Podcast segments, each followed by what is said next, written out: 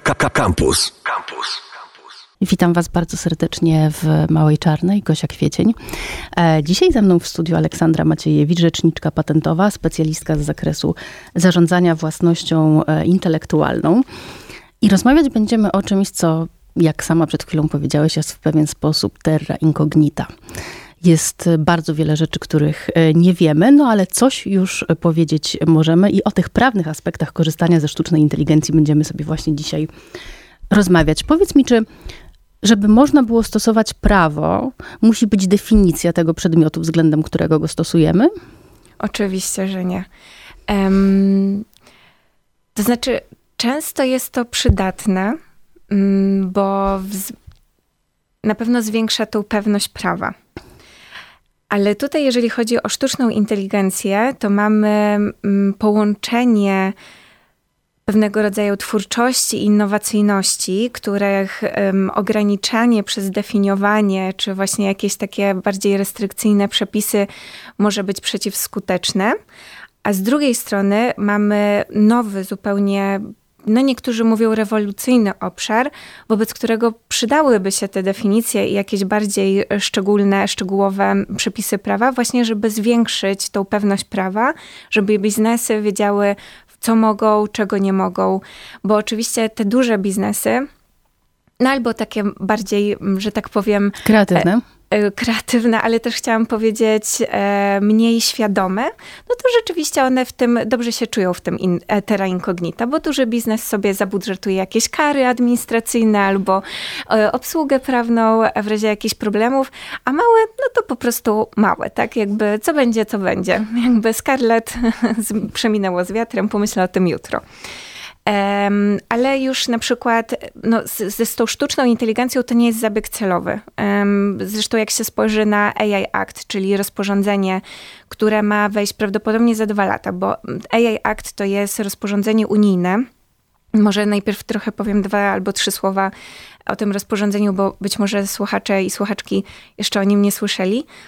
To będzie akt na miarę RODO, bo jeżeli chodzi o prawo Unii Europejskiej, to ono z grubsza można podzielić na dyrektywy i rozporządzenia. Dyrektywy muszą być implementowane do ustawodawstw krajowych poprzez ustawy, a rozporządzenia, tak jak RODO, one od razu, jak tylko, kiedy tylko wejdą w życie, to automatycznie wchodzą do porządków krajowych um, i mogą być bezpośrednio stosowane przez odbiorców, przez organy, przez sądy etc. Więc AI Act właśnie będzie takim aktem, który, którego nie trzeba będzie implementować i od razu nam wejdzie do naszego codziennego życia, ale do końca tego roku jeszcze trwają prace nad ustaleniem ostatecznej wersji mm, brzmienia tego aktu, a prawdopodobnie ustalone zostanie, że jego wejście w życie to będziemy mieli po prostu 24 miesiące na to, żeby do niego się dostosować. Tam firmy e, też będą musiały być odpowiednie organy w państwach członkowskich, które będą to nadzorować.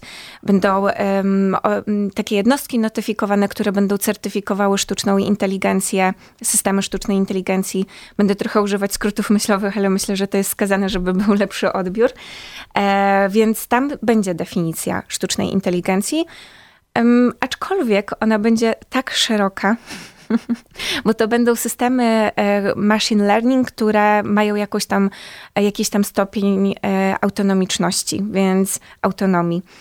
Więc naprawdę bardzo szerokie pojęcia.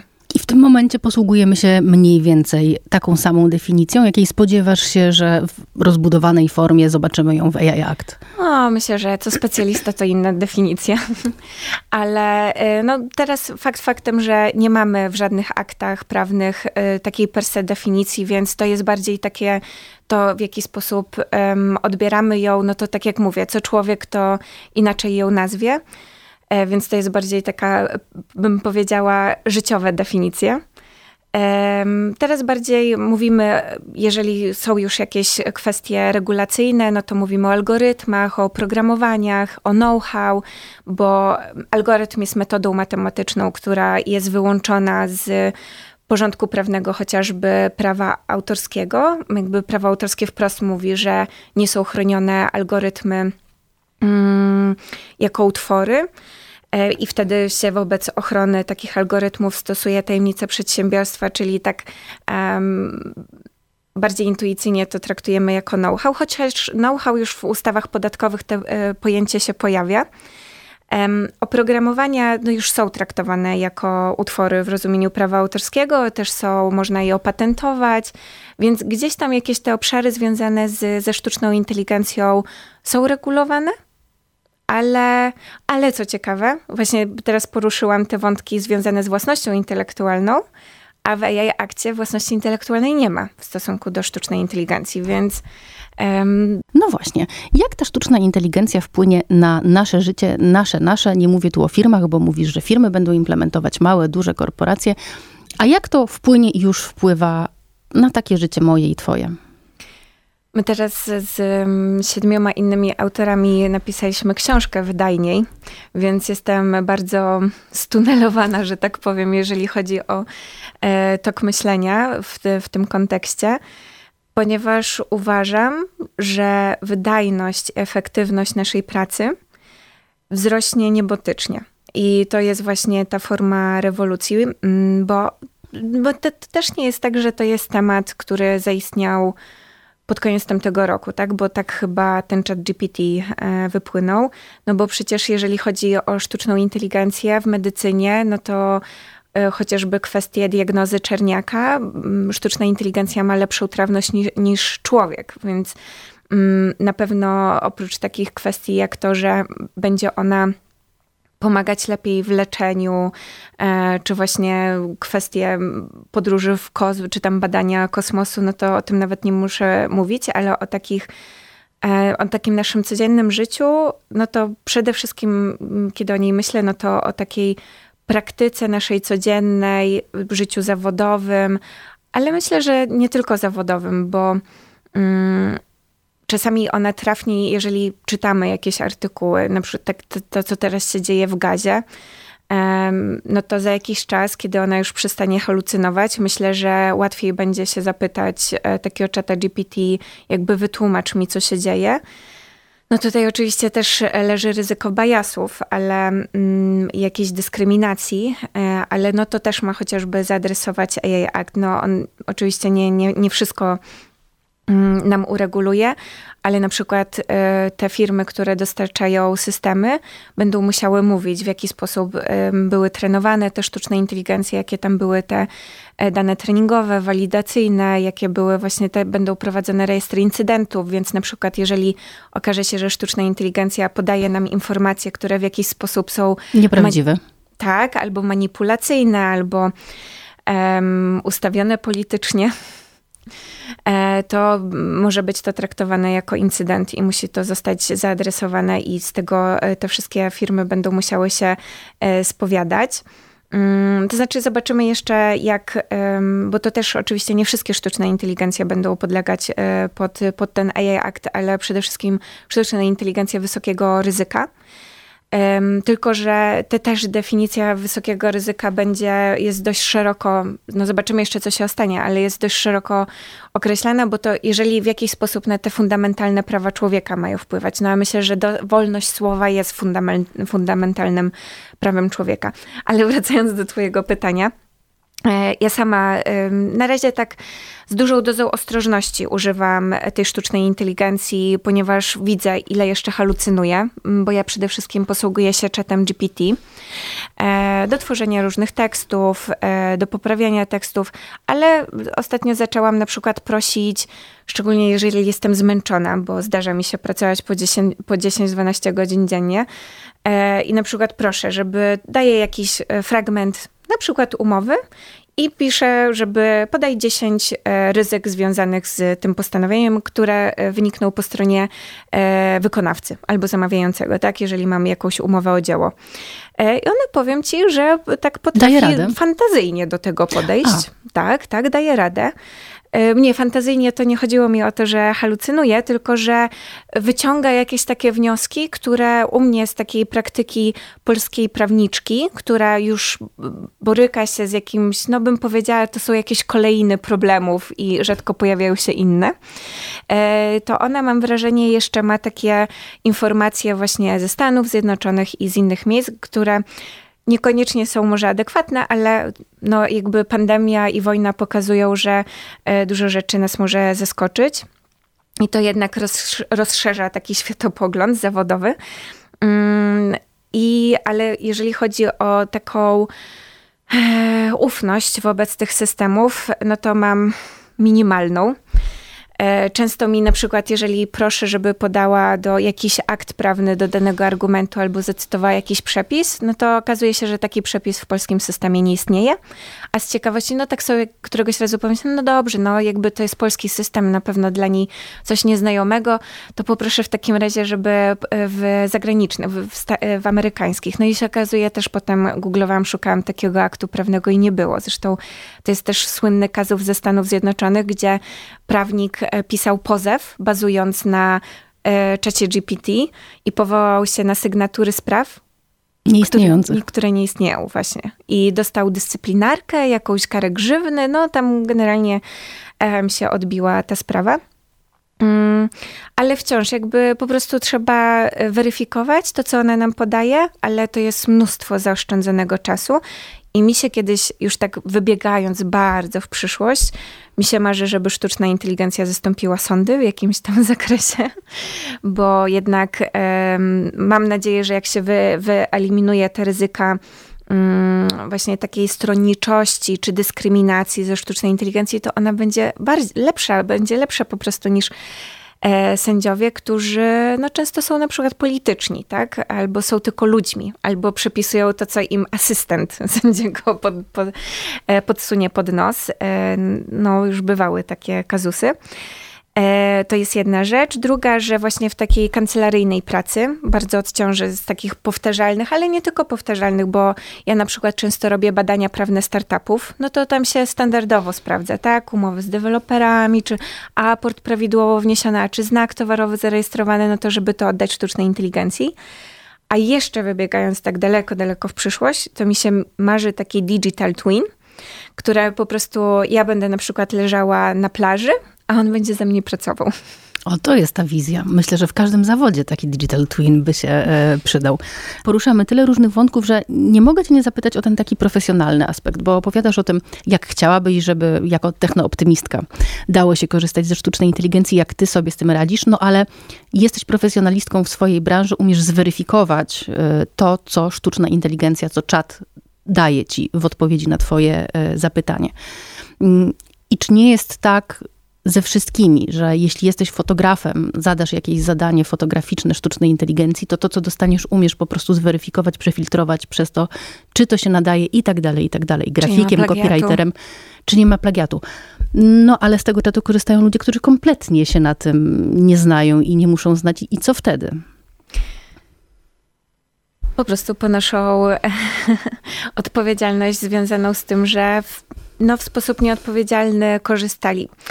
To oczywiście w jakimś tam ograniczonym zakresie, bo zawsze, jeżeli jest wyrządzona jakaś szkoda, to um, łączy się, musi się pojawić choćby przesłanka winy. Więc jeżeli mamy taką osobę, która mogła wierzyć, na przykład um, są różne um, teksty, czy jakby kontent cały treści związane z, z daną usługą, które by wskazywały na to, że usługa jest wiarygodna, nie trzeba weryfikować. Generalnie e, administrator czy dostarczyciel, próbuję teraz na polski przetłumaczyć. Dostawca?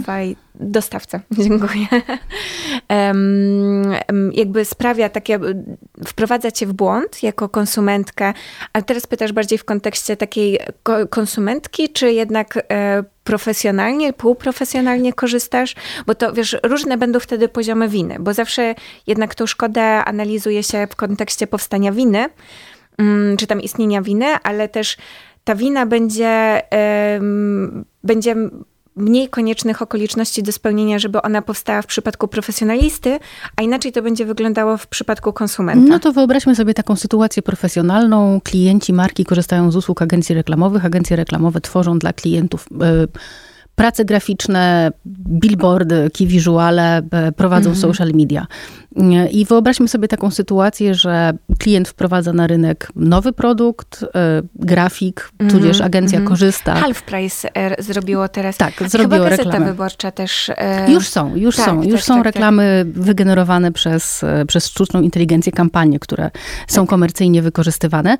No i teraz tak, wyobraźmy sobie, że niezależnie od siebie e, dwie agencje, tudzież w efekcie dwóch klientów, wypuszczą taką samą kreację. Nieświadomi mm -hmm, tego, że mm -hmm. ktoś mhm. inny to zrobił. Wypuszczą taką samą, dlatego że podobnie zostało zadane pytanie i podobne efekty mm -hmm. zostały e, utrzymane. To znaczy, abstrahując od tego, że wydaje mi się to wybitnie niemożliwe, ponieważ e, też te sztuczne inteligencje są trenowane w ten sposób, żeby nie tworzyły plagiatów. To, to się już oczywiście zdarzało, ale e, myślę, że to na wczesnym etapie rozwoju rzeczywiście, bo to są wtedy błędy systemu, tak, że mm, sztuczna inteligencja tworzy plagiat lub um, wypluwa, że tak po, mówię, powiemy obrazowo, coś, co już wcześniej komuś innemu stworzyła, ale wtedy Myślę, że jednak będzie ponosić odpowiedzialność ta agencja, że ona tego nie zweryfikowała, ponieważ zazwyczaj w tych systemach sztucznej inteligencji, jak się wczytasz w regulamin, to oni tam mają wszędzie wyłączenia odpowiedzialności,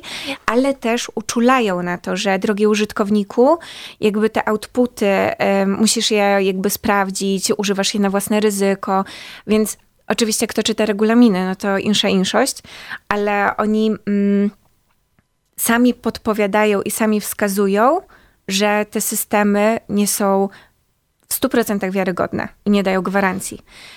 I w przypadku konsumenta to bym ci powiedziała, że e, ale konsumenta to nie interesuje, co to jest, że jakby jest wyłączenie e, odpowiedzialności usługodawcy, bo to też UOKiK i wszystkie inne podobne organy zagraniczne właśnie przy, mówią, że przerzucenie odpowiedzialności na konsumenta jest niezgodne z prawem konsumenckim. Ale w przypadku relacji B2B, e, czyli business to business, e, gdzie mamy dwóch profesjonalistów i jeden profesjonalista ci mówi, droga agencjo, jakby uważaj z tym systemem, a agencja tego nie robi, bo szybko, szybko, prędzej nie czytamy regulaminów, a jakby co będzie, to będzie, no to, to jest oczywiste, że e, nie dochowała należytej staranności i tutaj jest może nawet ta wina nieumyślna, ale jest, bo mamy te dwie, dwa rodzaje winy, tak? Wina umyślna, czyli jak działamy z premedytacją i ta wina nieumyślna, kiedy nie dochowujemy e, należytej staranności. staranności.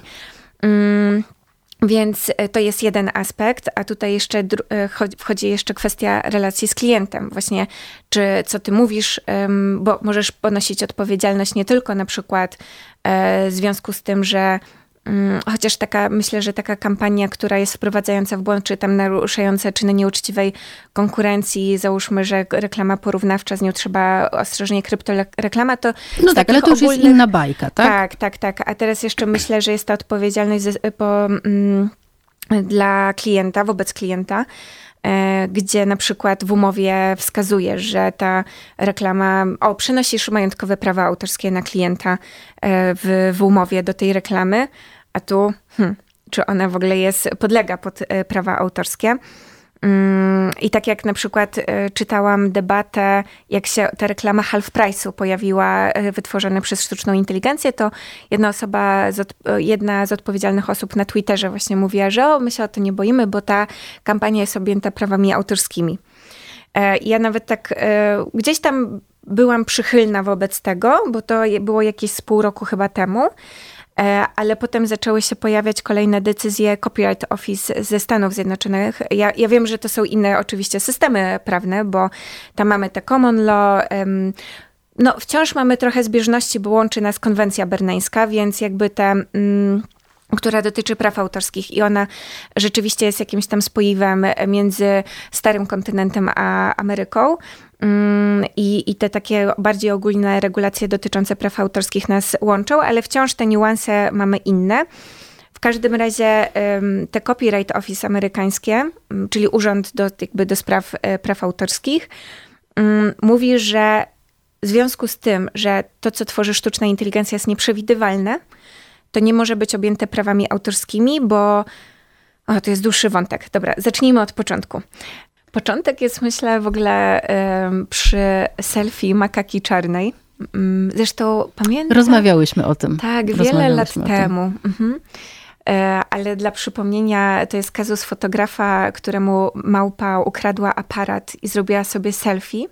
I ten fotograf próbował jakby udowodnić, że ma prawa autorskie do tego zdjęcia, ale sąd w końcu powiedział, że nie, w związku z tym, że tylko człowiek może mieć prawa autorskie, no to w związku z tym, że ta małpa sama sobie zrobiła zdjęcie, tych praw autorskich tam nie ma. I teraz przynosimy się do przyszłości, czyli do teraźniejszości, i mamy sztuczną inteligencję, która nie jest człowiekiem, jest maszyną, jest oprogramowaniem, jest algorytmami. I znowu mamy kazus makaki czarnej, gdzie właśnie sądy odmawiają praw autorskich na obiekty stworzone przez maszyny, ponieważ nie są ludźmi. No ale teraz sobie powiemy, ale hola hola, przecież tam jest człowiek, tak? To nie jest tak, że sztuczna inteligencja się włącza sobie power i zaczyna myśleć. I, I daje sobie zadania. Tak. Mhm.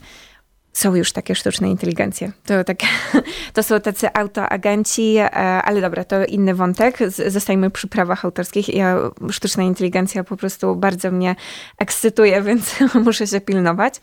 Mm, więc są, jest tam input jakiś, tak, czyli te dane, często objęte prawami autorskimi, dane bazowe, tak, mm, chociażby to, co okazuje się książki Francena czy Martina. Mm, zresztą pozwy teraz się toczą w tej sprawie. I mamy promptera, czyli osobę, która zadaje, nie muszę chyba tłumaczyć, prawda, co to są te prompty.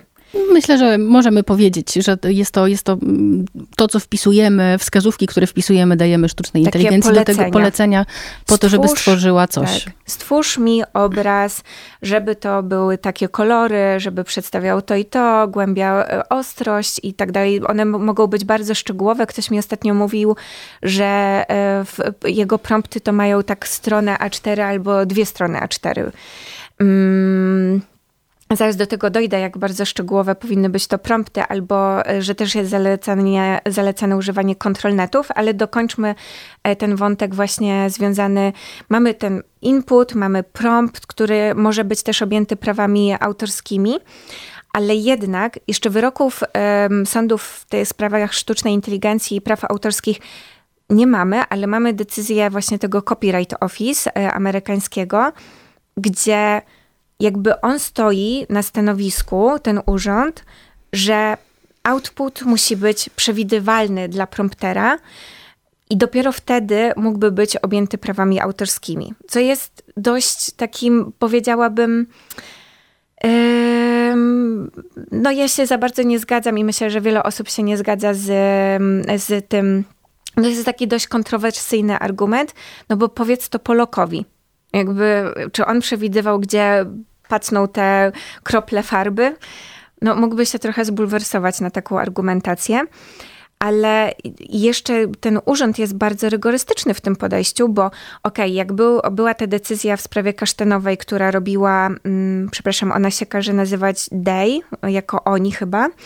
Um, i był to komiks, gdzie ona dawała treści, oni dawali treści, trudno mi, przepraszam, jakby w ten Przestawić sposób się. tak wypowiadać, e, gdzie u, była odpowiedzialność za kompozycję i no to rzeczywiście tam jakby ten urząd powiedział, że to jest utwór hybrydowy, że część jakby, gdzie ona miała władztwo i dyrektywność i tą pełną decyzyjność nad tym, co jest w tym komiksie, no to ona ma prawa autorskie, ale tam, gdzie była sztuczna inteligencja, to tych praw autorskich nie ma, więc to był taki ten utwór hybrydowy. No ale potem e, jest decyzja w sprawie tego e, theater, taki, e, to jest obraz takiej opery, trzy postaci stoją, tam gdzieś planeta się jakaś unosi w oddali, ten obraz zresztą wygrywał jakieś konkursy, mm, autor mówił, jakby jak się czyta to jego oświadczenia, tam prawie 700 promptów zapodał, dużo prac następczych, mm, i tam też e, urząd stwierdził, że nie ma tych praw autorskich, więc ja już się trochę za głowę łapię, no to czego on oczekuje, żeby te prawa autorskie tam powstały. Ja myślę, że w Unii Europejskiej, a przynajmniej w Polsce, aż tak źle nie będzie. Mm, a żeby jeszcze wyjaśnić z tymi promptami, dokończyć tą myśl, e, a powiem jeszcze o Polsce, no bo prompt jest pewnego rodzaju pomysłem a pomysły nie są chronione prawem autorskim, tak? Bo jakby jak spojrzymy na prawo autorskie, no to mamy pomysł, metody działania, sposoby działania, koncepcje, styl. To wszystko jest wyłączone z ochrony prawna autorskiej. I nawet jeżeli damy ten prompt na stronę A4, no to on sam w sobie będzie utworem literackim. Ale to jest, to tak jakby powiedzieć, że e, przez to, że mm, nie wiem, Tolkien napisał Władcę Pierścieni, to on ma też w całości prawa autorskie do e, filmu. No tak nie będzie, tak? On może mieć do pewnego plotu, e, który, do scenariusza, fabuły, który tam powstaje, ale do filmu per se nie będzie miał. Więc tak samo prompt nie może przynosić praw autorskich, o ile w ogóle tam są prawa autorskie w, w obrębie tego promptu, na output. No i wracamy teraz do Polski. Dlaczego e, ja uważam, że to niekoniecznie będzie taka zero-jedynkowa sytuacja jak w Stanach Zjednoczonych, e, że ta przewidywalność, etc., bo mamy takie wyroki, e, gdzie sąd wyodrębniał osobę, która była decyzyjna w tworzeniu jakiegoś utworu, a samego twórcę tego utworu. Zawahałam się przy użyciu słowa twórca, bo twórca to jest jednak domena prawa autorskiego, ale już mówię o co mi chodzi. Był fotograf i asystent fotografa.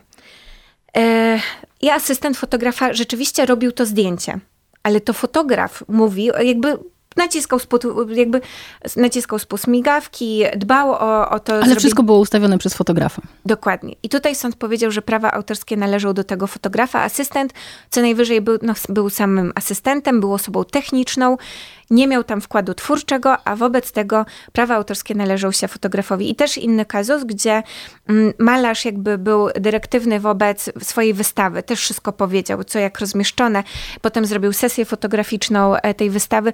On też wszystko nadawał tylko tok e, tym działaniom, ale na koniec dnia wykonawcami były inne osoby i też sąd stwierdził, że ma te prawa autorskie, więc tutaj jakby nasze, nasze polskie sądy bardzo zwracają uwagę na tą decyzyjność i dyrektywność. Kto tutaj jakby mówi, to będzie tak, konkretnie tak. No tutaj mamy zahaczenie o tą przewidywalność i nieprzewidywalność, bo dyrektywność no to antynieprzewidywalność, prawda? Więc mamy oczywiście tą zbieżność z, tymi, z tym Copyright Office amerykańskim, ale myślę, że aż takiej um, radykalności w podejściu być może tutaj jednak nie będzie e, w Polsce, no to są też względy ekonomiczne, tak? Wiadomo, że sądy trochę orzekają pod kątem, co będzie na korzyść korporacji, innowacyjności, jakiejś linii przybranej przez państwo, czy bardziej chronimy twórców, czy bardziej tworzymy wolność, e, tak, jakiegoś obrotu. Więc myślę, że to tu, tutaj będzie dużo zależności i te polskie sądy też będą patrzeć, co się dzieje w Japonii, co się dzieje w Wielkiej Brytanii, co się dzieje w Stanach Zjednoczonych i też trochę pod to e, będą wyrokować. Wszystko przed nami. Na razie się nie szykują żadne akty prawne, które by miały na to, jakby miałyby jednoznacznie mówić, czy tak, czy inaczej. I myślę, że to jest ok, bo to, że mm, te granice na przykład między inspiracją a utworem zależnym, one wciąż nie są zdefiniowane, że są płynne, to jednak na swój sposób paradoksalnie w niektórych sytuacjach pomaga, tak? Bo e, nie zamykamy się w jakichś sztywnych ranach, ramach, i nie boimy się po prostu paluszek wystawić poza tą ramę, bo od razu po prostu jakieś roszczenia i odszkodowania się pojawią. Wiem, że jesteś e, technooptymistką, ale porozmawiajmy e, jeszcze przez chwilę o zagrożeniach, które niesie ze sobą sztuczna inteligencja, bo z tego, co mówisz, wnioskuję, że możemy, wyobraźmy sobie, że mamy nieskończoną ilość pieniędzy, stworzyć sobie i wytrenować swoją własną sztuczną inteligencję, z której będziemy korzystać wedle uznania.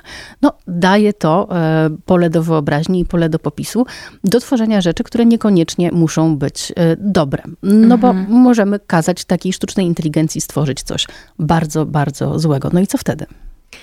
Jeszcze e, dam poprawkę na tą technooptymistkę, bo ja nie muszę być, bo po prostu jak obserwuję, czytam kolejne badania, co znowu sztuczne, jakie przybrała nowe możliwości, to jeżeli nie byłabym technooptymistką, to wpadłabym w jakąś depresję i dostałabym jakichś lęków na myśl o sztucznej inteligencji, bo naprawdę ona już jakby mm, ci autoagenci na przykład przeprowadzają sobie wybory e, albo jak tam.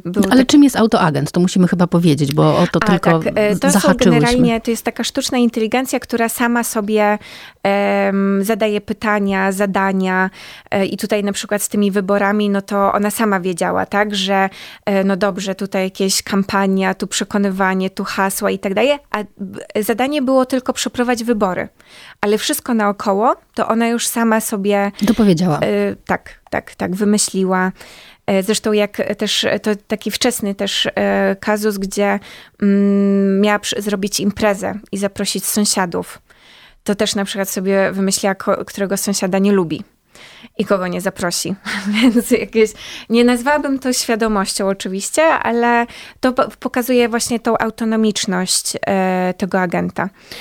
Więc e, ja też oczywiście jestem osobą nietechniczną, więc bardziej to mówię od takiej, um, um, od takiej strony, jak to rozumiem, e, ale myślę, że to też jest na korzyść słuchaczy, niż jakbym zaczęła tutaj bardzo technicznie o tym wszystkim opowiadać. Więc tak, jestem tą technooptymistką i co jeżeli e, sztuczna inteligencja będzie, może zostać wykorzystywana do tworzenia szkodliwych rzeczy, no właśnie też po to jest ten AI Act e, i teraz oczywiście do niego jest, są jeszcze dwa lata, ale też z takich reguł ogólnych prawa e, możemy mieć chociażby wynieść winę w nadzorze, bo mamy taką instytucję no myśli się też o tym, e, takiej odpowiedzialności za produkt niebezpieczny i to jest taka odpowiedzialność na zasadzie ryzyka. Na razie jednak opinie idą w tym kierunku, że w związku z tym, że sztuczna inteligencja nie jest rzeczą, to tam jeszcze nie ma tej odpowiedzialności na zasadzie ryzyka, ale nawet w tym nadzorze, czy nawet z tych ogólnych zasad, tak, e, patrzy się znowu twoją winę, tak, czy w, przy, w, przypadku przepisów karnych twoją intencję czy zamiar, tak? Bo jeżeli